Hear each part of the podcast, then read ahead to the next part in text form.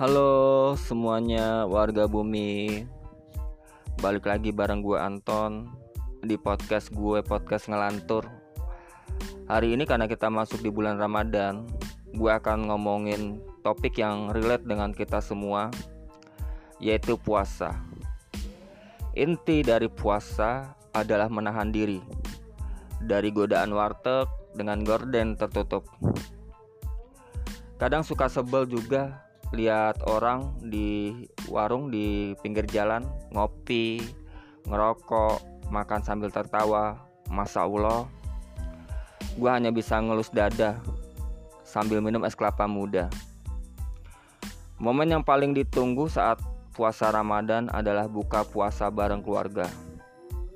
Walaupun cuma makan gorengan, rasanya tetap aja gorengan. Dan yang paling tunggu uh, di momen bulan puasa adalah bukber bareng teman-teman. Di chat WA nih teman ngajakin bukber. Di chat WA nih bukber yuk. Teman yang lain balas ayolah kapan? Yang lain juga balas terserah gue ikut aja. Dibalas lagi sama yang lainnya gue juga ikut aja. Gitu aja terus sampai lebaran.